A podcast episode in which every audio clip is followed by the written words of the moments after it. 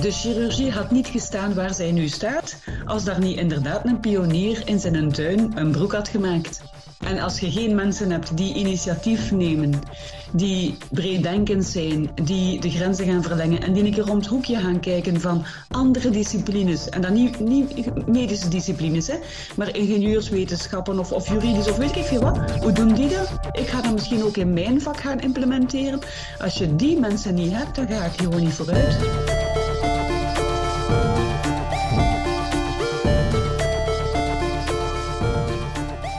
Welkom bij Health Nerd, een podcast op het kruispunt van zorg, technologie en ondernemerschap.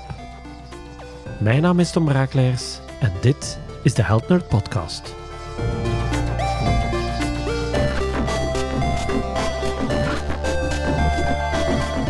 Aan het begin van deze podcast hoorde je Mieke Moerman, arts, logopedist, maar vooral ondernemer in hart en nieren en oprichter van Telefoon.digital.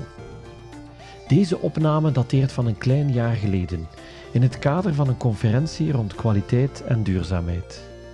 Daar modereerde ik een ronde tafelgesprek. Naast Mieke waren er nog drie andere gasten. Ella Ameijen, oprichter van Ablecare, Vincent Meurens, medeoprichter van Epcom en Hanna Snoek, stafmedewerker innovatie en opleiding van AZ Clina. Ze stellen zich eerst allemaal even voor, zodat je de stem bij de naam kan plaatsen. We spraken ruim een half uur over ondernemerschap, ondernemend zijn als persoonlijkheid, obstakels en opportuniteiten, maar vooral over een hefboom naar een meer duurzaam zorgsysteem en kwaliteit. Ella bijt de spits af. Geniet van deze aflevering van Health Nerd, die rond kwaliteit en duurzaamheid.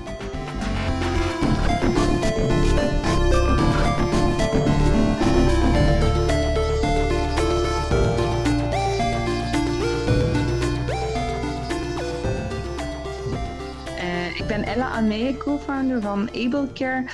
En met AbleCare proberen wij labotesting een beetje uh, meer patient-centered te maken.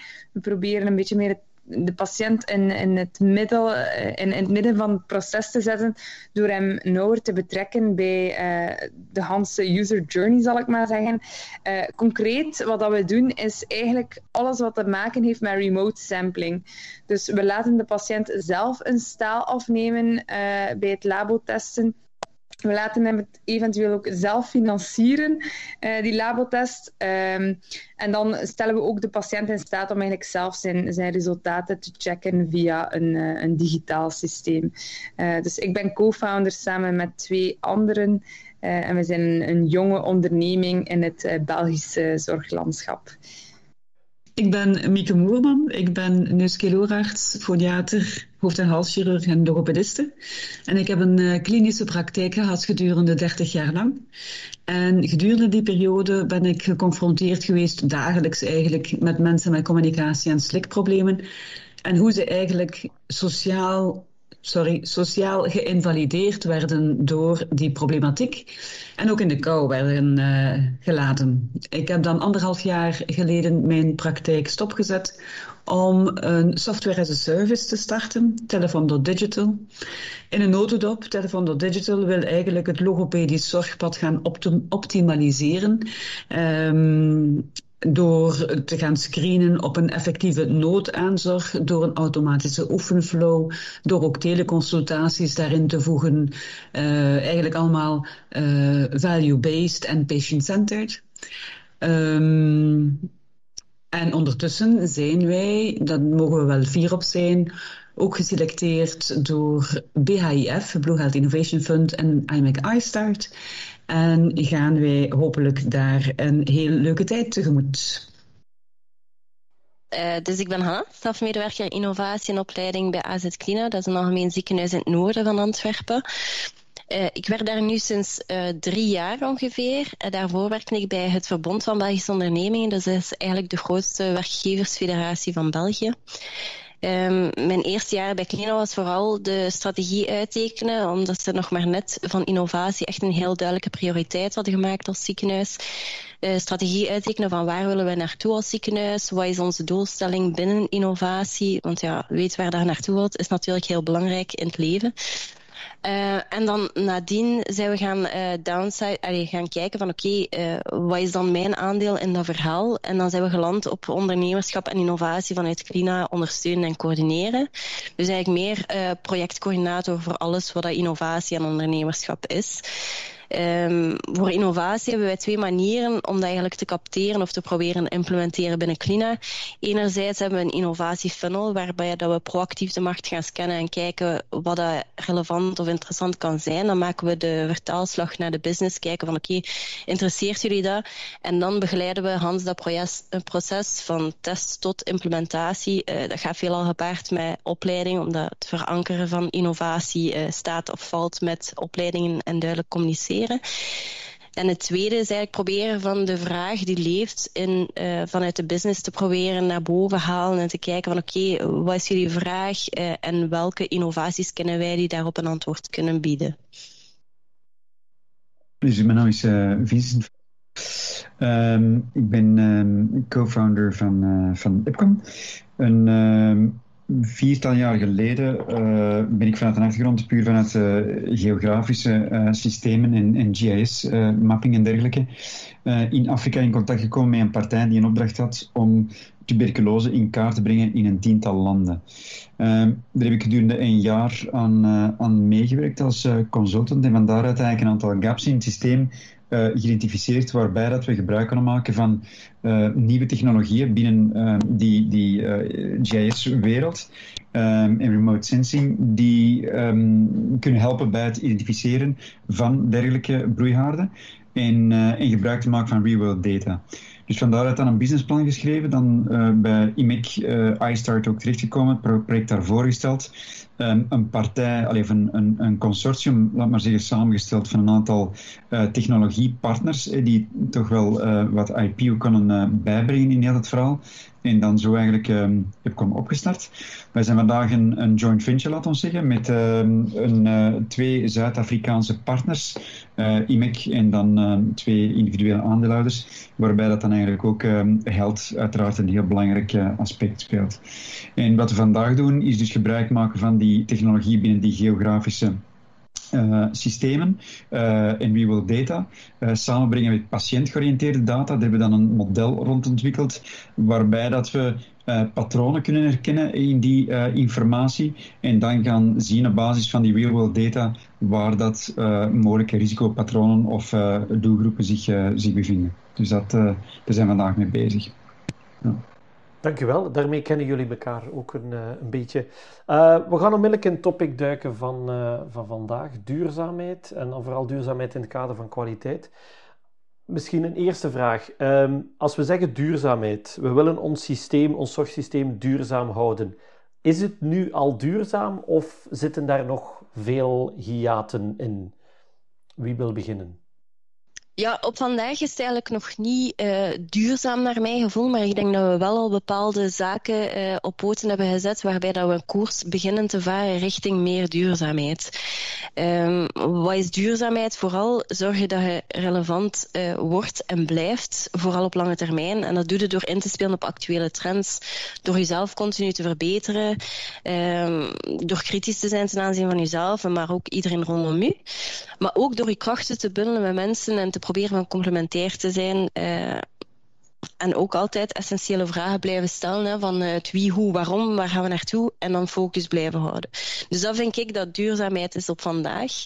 En de afgelopen jaren is er al heel wat veranderd in de gezondheidszorg. Om nog niet van uh, de impact van COVID-19 te spreken.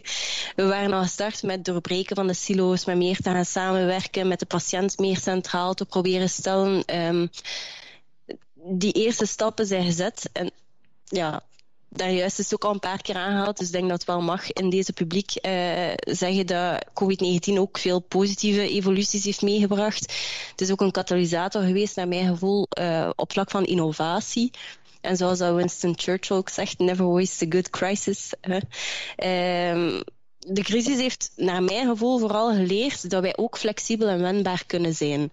we hebben...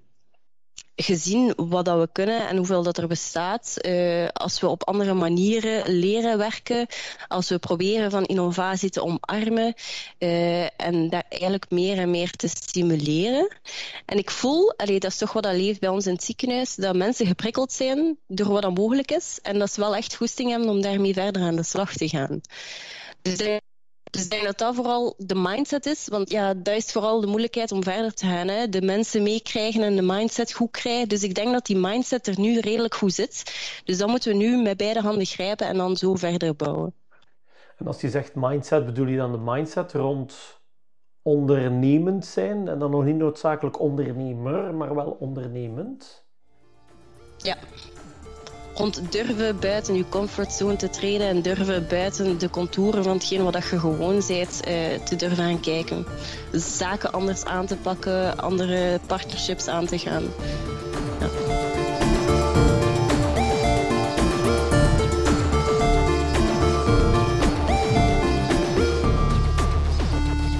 Mieke, ik wil even naar jou komen, want uh, uh, Hanna zegt ondernemend zijn. Jij hebt de sprong genomen van arts naar ondernemer. Uh, wat was voor jou die drijfveer om die sprong te maken?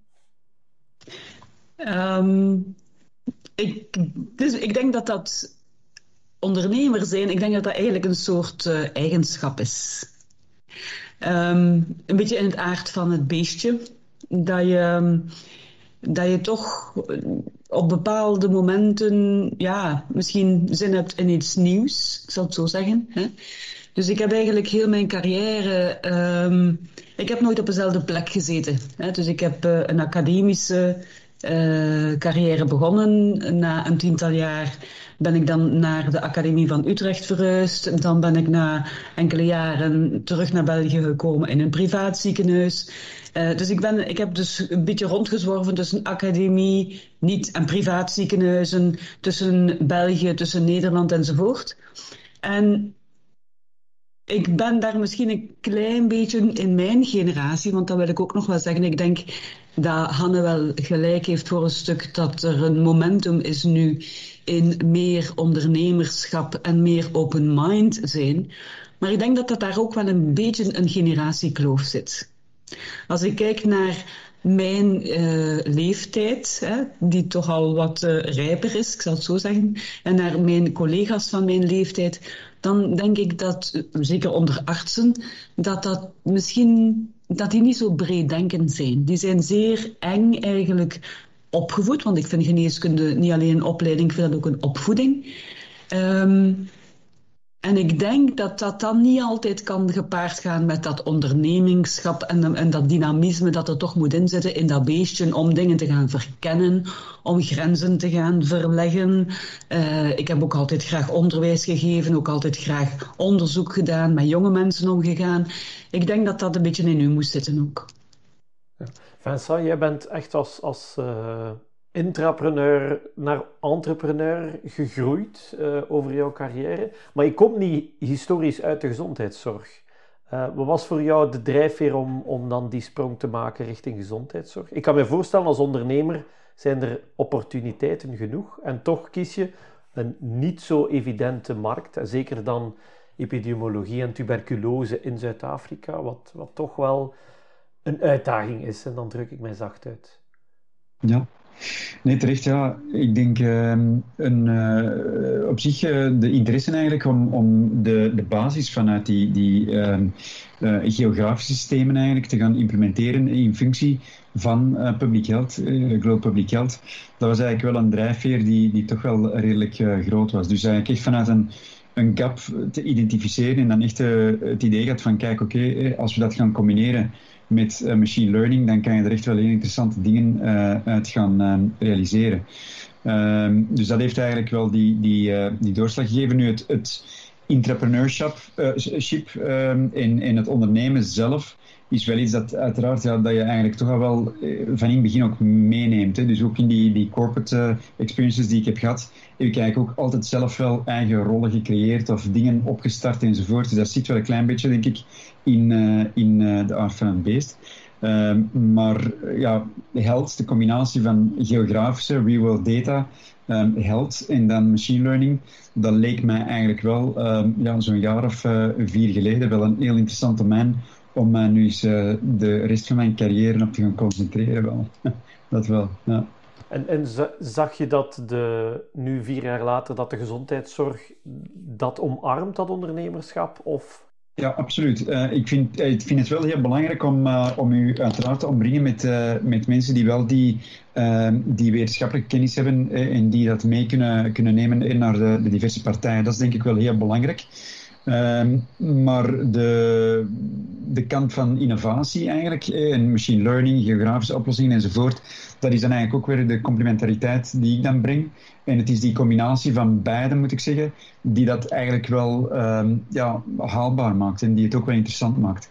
Maar dat vind ik eigenlijk wel heel belangrijk, dat die, ja, die kennis die moet wel aanwezig zijn. En we hebben dat vanuit het, uh, de opstart eigenlijk meteen meegenomen. Dus uh, de, de co-founder uh, die heeft uiteraard een medische achtergrond. Maar in de uitbouw van het team is dat ook wel belangrijk. Dus iedereen, dat iedereen toch wel de juiste achtergrond heeft om ja, meteen ook in de diverse domeinen mee te kunnen praten en, en de opportuniteiten te zien toch wel. En die, ja, die groei en die sustainability ook te voorzien. Hè. Dat is eigenlijk hetgeen waar het om draait. Ella, voor jou, jij, jij had al start-up ervaring um, en dan, dan spring je toch met AbleCare om, uh, om nog verder te gaan. Uh, wat was voor jou die drijfveer? Voor mij was het eigenlijk een persoonlijke passie voor uh, gezondheidszorg, de, de wil om, om impact te maken, om iets te betekenen. Ik denk dat dat eigen is aan, aan veel mensen die in de gezondheidszorg opereren die wil om iets te doen dat maatschappelijk relevant is. Het gaat niet puur om, om winst te maken. Het, het, gaat over meer dan dat. En dat vind, dat vind ik ook echt vaak terug bij, bij heel veel mensen in de zorg. Dus voor mij was het een, een persoonlijke passie. En ik volg heel hard wat Mieke zegt. Het is een beetje ja, de aard van het beestje om te willen innoveren, nieuwe dingen te doen, impact te maken, iets te doen, letterlijk. Niet, niet, niet na te denken, maar woorden om te zetten in daden. En toch denk ik, als we evalueren naar, naar een duurzamer systeem, dat dat ondernemerschap eigenlijk veel breder kan zijn dan dat, dan dat vandaag is. Nu blijft het vaak beperkt tot mensen die inderdaad die innerlijke drive hebben om zelf iets te gaan ondernemen. Maar ik denk dat er in ieder, iedereen wel een ondernemer schuilt. Uh, en zoals Amieke zegt, vaak is er heel veel terughoudendheid bij de, bij de, bij de personen die, die momenteel arts zijn of in de, in de gezondheidszorgsector zitten. Maar dat komt denk ik omdat het niet in de opleiding verworven zit, omdat veel mensen nooit kennis gemaakt hebben met hun innerlijke ondernemer, terwijl dat wel iets zou zijn als ze er dan van proeven, dat ze wel de smaak te pakken krijgen en dat ze ook binnen een rol als werknemer of, of weet ik veel, ook entrepreneur kunnen zijn, ook ondernemer kunnen zijn. Want voor mij heeft dat niks te maken met statuut. Het heeft te maken met een mindset. En, en dat is wel belangrijk. En, en Mieke wil daar iets op aanvullen, denk ik. Ja, ik zou daar heel graag iets op aanvullen, want um, ik moet dat een beetje vergelijken met de pioniers van destijds in de geneeskunde. En dan denk ik vooral aan de pioniers in de, in de chirurgie. We hebben in Gent een heel bekend chirurg die in zijn achtertuin uh, nog broeken, letterlijk broeken heeft te naaien, hè, voor, uh, voor de bloedvaten te, te reconstrueren. Dat was Frits Drom die mensen, die pioniers, dat zijn eigenlijk de ondernemers van vroeger. Hè. De gezondheidszorg heeft ze dat niet gemakkelijk gemaakt. Hè. Omdat de gezondheidszorg beoefenen in ons Belgisch uh, systeem in een keurslijf werd gedrongen door, laat mij het maar zeggen, accreditatie, GCI, whatever. En ik vind dat dat een beetje het ondernemerschap en die drive fnuikt. Hè? Dus dat is toch wel een beetje een ambiguë relatie. Um, moet dat dan per se in de opleiding gegoten worden? Ik weet dat niet. Ik denk dat dat ook wel echt een fundamentele persoonskenmerk is, dat ondernemerschap. En dat komt daaruit, hoe dan ook. Dat moet daaruit. Je kunt in een drang niet, niet onderdrukken. Hè? Um, en in dat opzicht, om dan naar een duurzame gezondheidszorgsysteem te gaan, denk ik moet er een evenwicht gevonden worden tussen enerzijds controlemechanismen, kwaliteitscontrole, GCI, keuring, audit enzovoort. maar dan toch de mensen kunnen de vrijheid geven om hier en daar toch een keer iets te proberen, want daar gaat het ook om.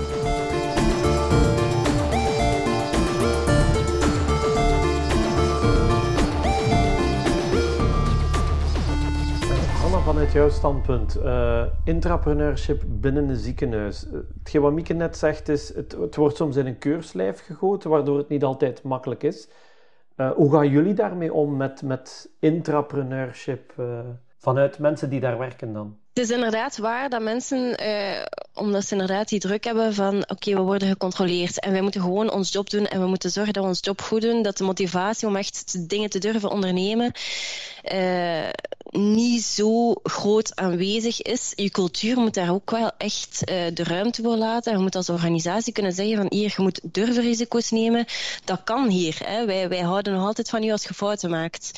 Uh, dat proberen we ja, dat is, dat is een beetje moeilijk hè? Om, de, om dat te proberen stimuleren bij de mensen. Maar we proberen dat wel mondjesmaat zo echt over te brengen van oké, het is een veilige omgeving, initiatieven worden gewaardeerd. Uh, kom maar af met je voorstellen, we gaan je ondersteunen. En dat is hetgeen wat we vanuit de innovatiecel, zijnde mezelf, proberen te ondersteunen. Uh, ja, het is, het is het is moeilijk. Ik, ik, ik ben daar zelf nog zoekende in hoe dat je de mensen echt kunt aantonen van oké, probeer gewoon, het gaat wel lukken. En uw ideeën zijn ook waardevol. En ook jij kunt iets meer dan gewoon uitvoeren wat je geleerd hebt. Dus dat blijft een challenge. Ik heb daar geen uh, pasklaar antwoord op. Ja, ondernemerschap is uiteraard integraal gekoppeld aan risico nemen. Ehm, is dat dan iets wat, wat in gezondheidszorg misschien moeilijker is dan in andere sectoren? Mieke zegt ja. Ja, dat vind ik wel. Hè. Ik bedoel, in de gezondheidszorg is er weinig, vroeger meer, nu weinig of geen eigenlijk, ruimte meer voor trial and error.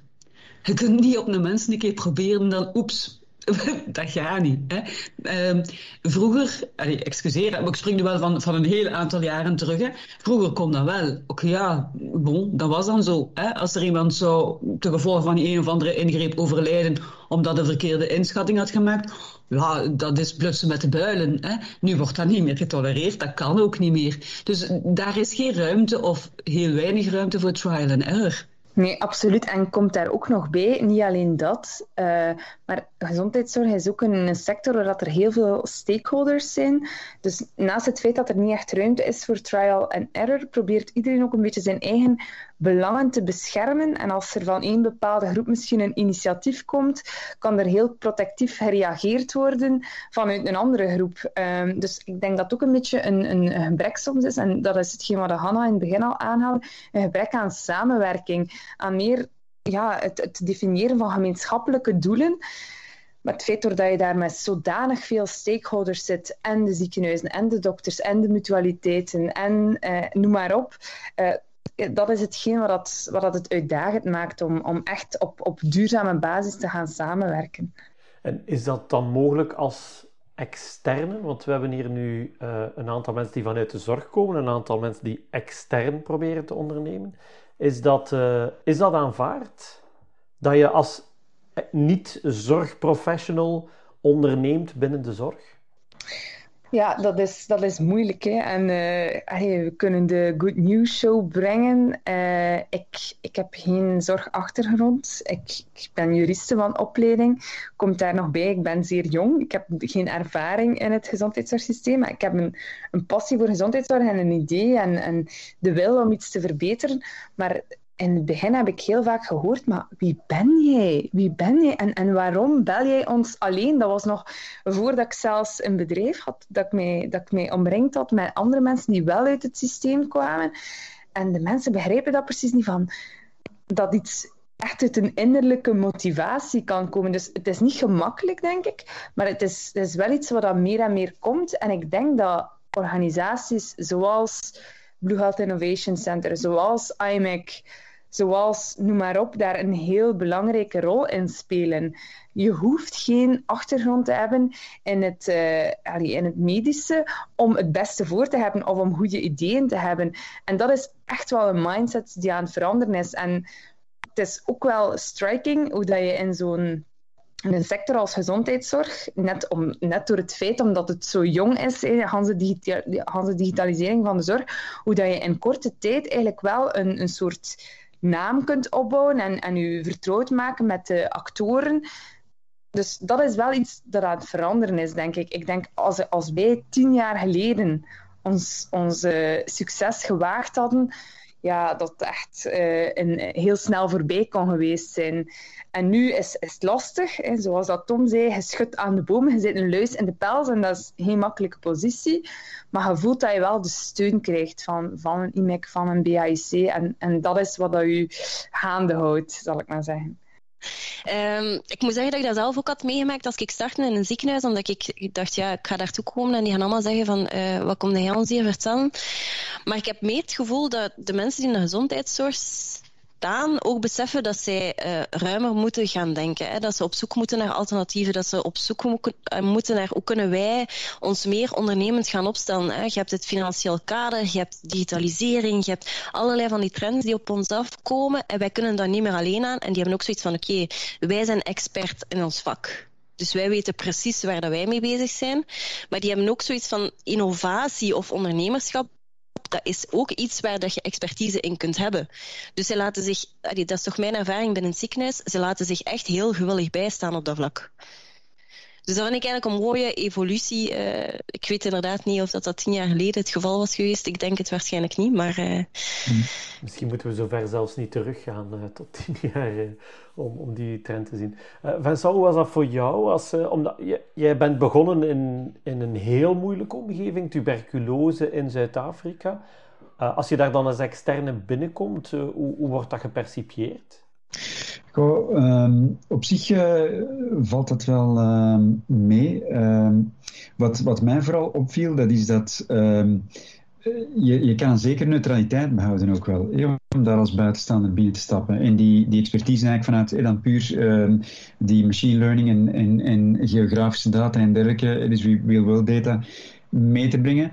Uh, merk ik als je je omringt door het juiste ecosysteem en de juiste partners, dat je toch wel een toegevoegde waarde kan bieden. En eh, ik weet niet, Mieke, hoe het bij jou is, maar, maar ik merk wel vanuit sommige uh, invalshoeken binnen die Global Public Health dan, uh, dat je eigenlijk ook wel vanuit die medische sector bepaalde initiatieven hebt of bepaalde bedrijven die opgestart zijn rond bepaalde toepassingen. En dan merk je dat dat soms ook wel, ja, dat, dat wordt niet altijd even hard geapprecieerd, denk ik, door, door, door andere collega's. Nu, dat is misschien niet overal zo, maar we hebben dat toch wel in bepaalde sectoren gezien. Vooral dan als je gaat kijken naar public grants en dat soort dingen, dan, dan wordt er dikwijls toch wel gekeken van ja, zijn hier geen conflicten eigenlijk uh, die, die meespelen. Mieke, heeft dat voor jou geholpen om te kunnen zeggen uh, beste collega in de plaats van beste dokter of beste zorgprofessional? Um, ik denk um, dat het, het feit dat ik zo lang academisch gewerkt heb en dat ik ook in het onderwijs gestaan heb, met name in de logopedieopleidingen, dat dat wel helpt.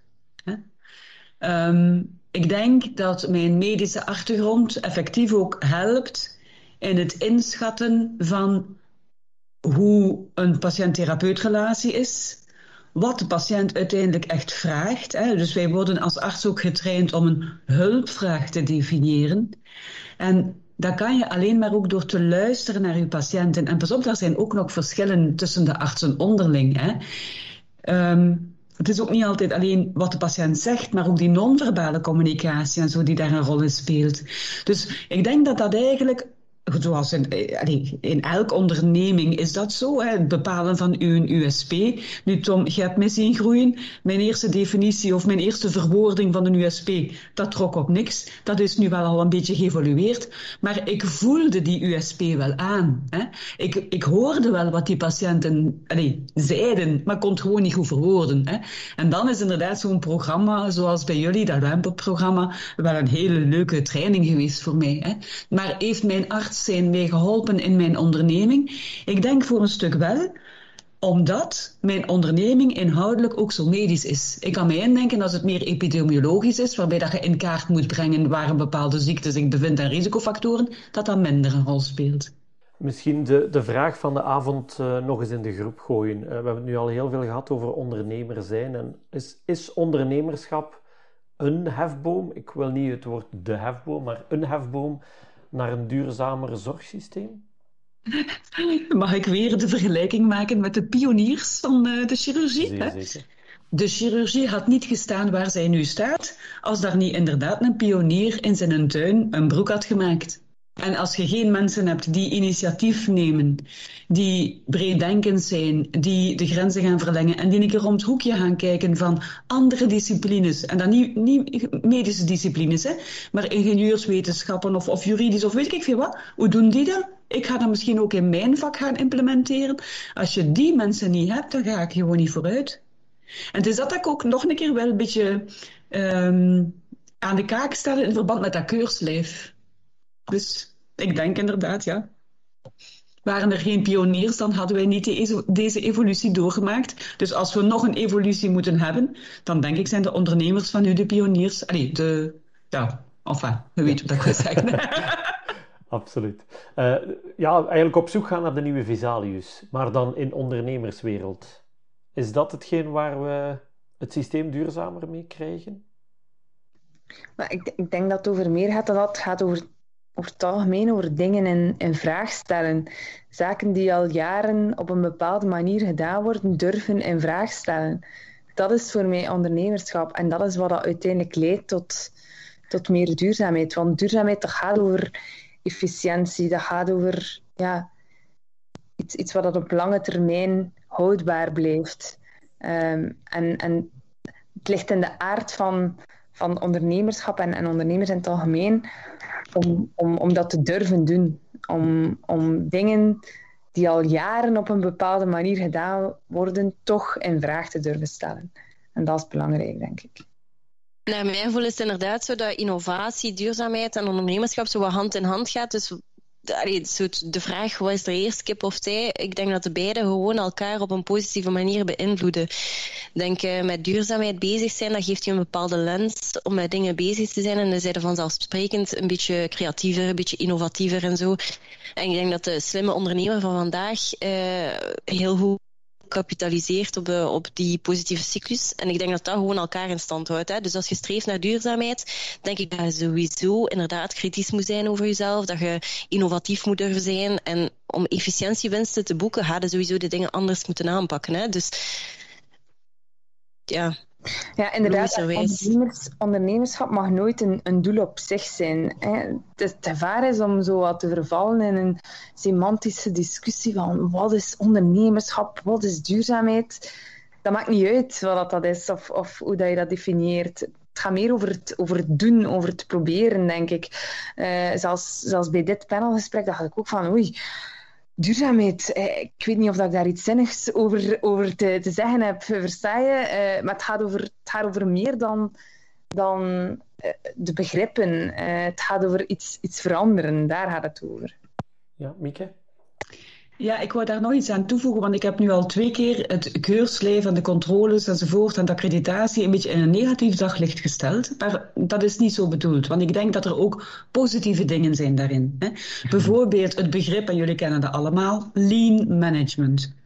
Lean management is inderdaad, dat, dat gaat hand in hand met duurzaamheid. Hè. Minder waste enzovoort, dat, dat is duurzaam. Hè. En de uitdaging bestaat erin van toch een pionier te zijn eventueel met trial and error en dan toch gematcht te zijn met het lean management. Ik denk dat dat, dat drie sleutelwoorden zijn: pionierschap, lean management en duurzaamheid.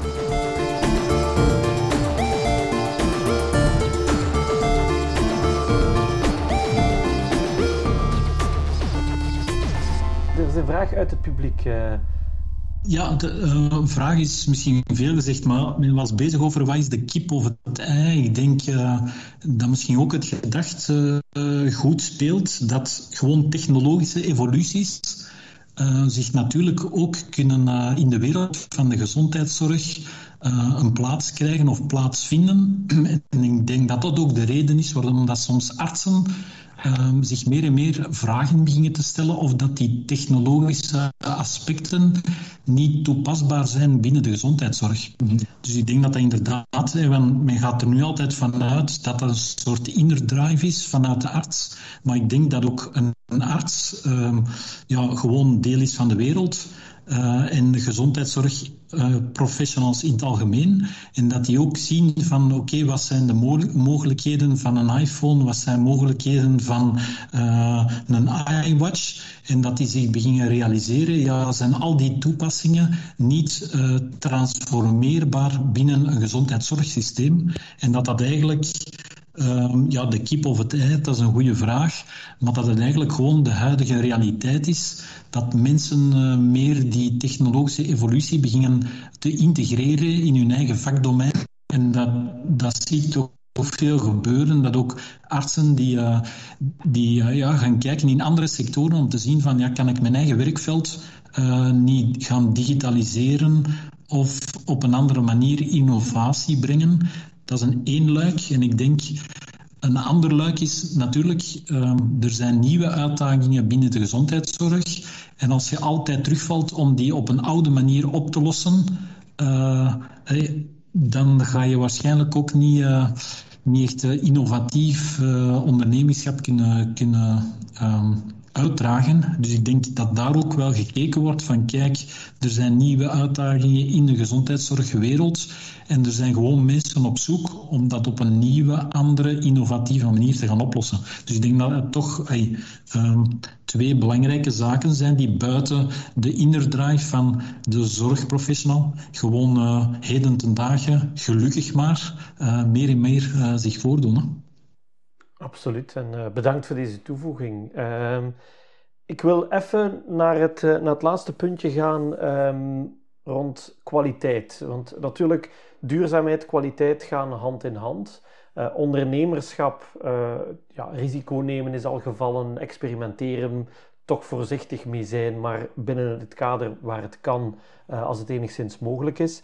Um, hoe zien jullie kwaliteit? Misschien Hanna, bij jou beginnen. Hoe, hoe, hoe, wordt kwaliteit gedefinieerd voor jullie als organisatie? Ha, ik vind dat voor mij persoonlijk moeilijk, omdat ik iets minder met kwaliteit bezig was. Maar ter voorbereiding uh, van vandaag ben ik met de algemeen directeur aan samenzitten, omdat kwaliteit nogal zijn uh, stokpaardje is. Um, en hij beaamde ook mijn vermoeden dat zowel innovatie als kwaliteit eigenlijk uh, de onderliggende rode draad moet zijn doorheen de organisatie. Dus zoals dat, Ella daar juist aanhaalt, uh, kan kwaliteit ook geen doelstelling op zich zijn, maar dat is eigenlijk gewoon een basis of een hefboom voor verbetertrajecten op te starten. Dus je wilt eigenlijk gewoon kwalitatieve zorg uh, voor je patiënt. Dus je patiënt staat centraal. Dus dat is je doelstelling. Dus je streeft daarnaar en dan is kwaliteit je vehikel om daarnaar te geraken. Um, dat is hoe dat wij met kwaliteit omgaan uh, binnen het ziekenhuis.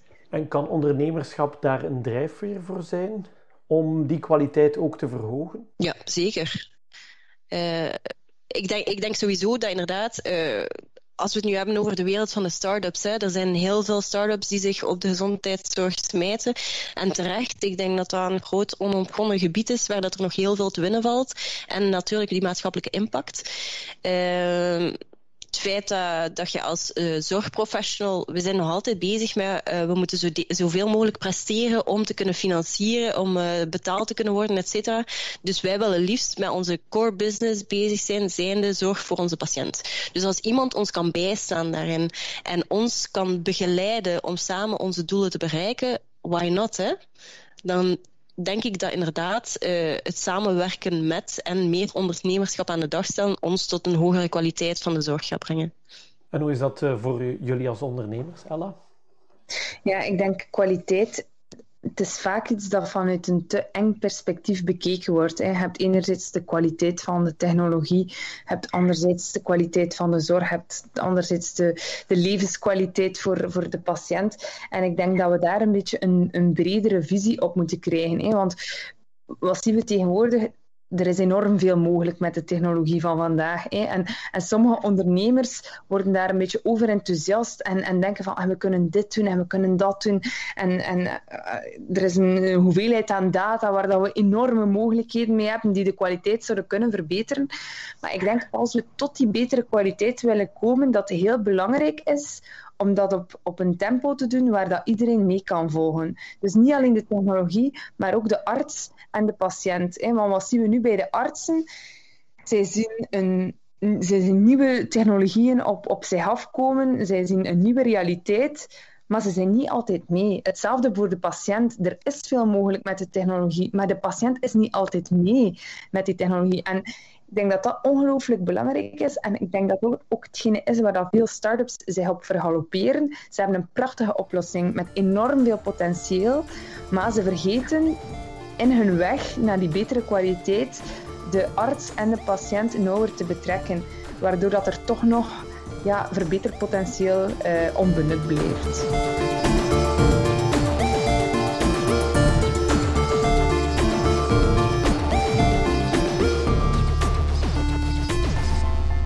Zou een slotvraag aan iedereen willen stellen, maar we zijn lichtjes over tijd aan het gaan. Um, als jullie zelf de pen mogen vasthouden en een duurzaam, kwalitatief gezondheidszorgsysteem mogen tekenen, waar beginnen we eraan? Wat zou het eerste zijn? Of, of hoe zien jullie die, uh, die droom van een duurzaam, kwalitatief zorgsysteem uh, tot stand komen? Ik ga het heel kort doen en ik ga er niet op uitweiden, want als we ons nog een uur verder brengen en het breed verder op wat Amieke in het begin zei. Maar ik denk dat heel veel ligt bij de financiering van de zorg.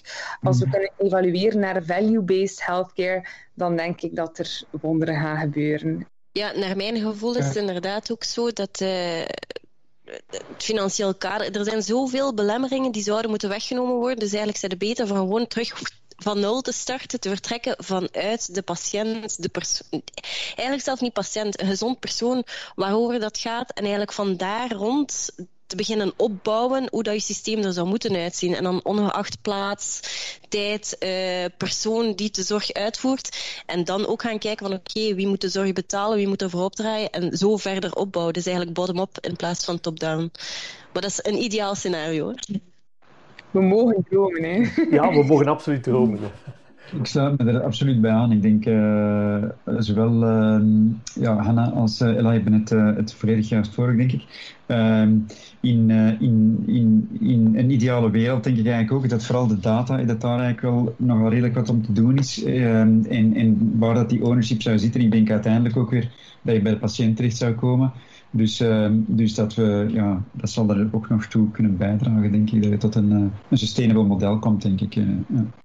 Mieke, het laatste woord is voor jou. Uh, ik kan daar alleen maar aan toevoegen, en dat heeft Hanna ook al een beetje aangehaald, dat we in een ideaal, duurzaam en kwalitatief gezondheidszorgsysteem meer moeten inzetten op preventie. En dat we dus eigenlijk op voorhand, voordat iemand ziek is, uh, ja, eigenlijk kunnen vermijden van kosten te maken, hè, door iemand te verzorgen. Hè. Het is jammer, we moeten met elkaar niet hier overtuigen. Hè. Dus ik denk dat we het allemaal met elkaar eens zijn. Dus, uh, we zitten met gelijkgestemden rond de tafel. Dus uh, chance dat het opgenomen wordt.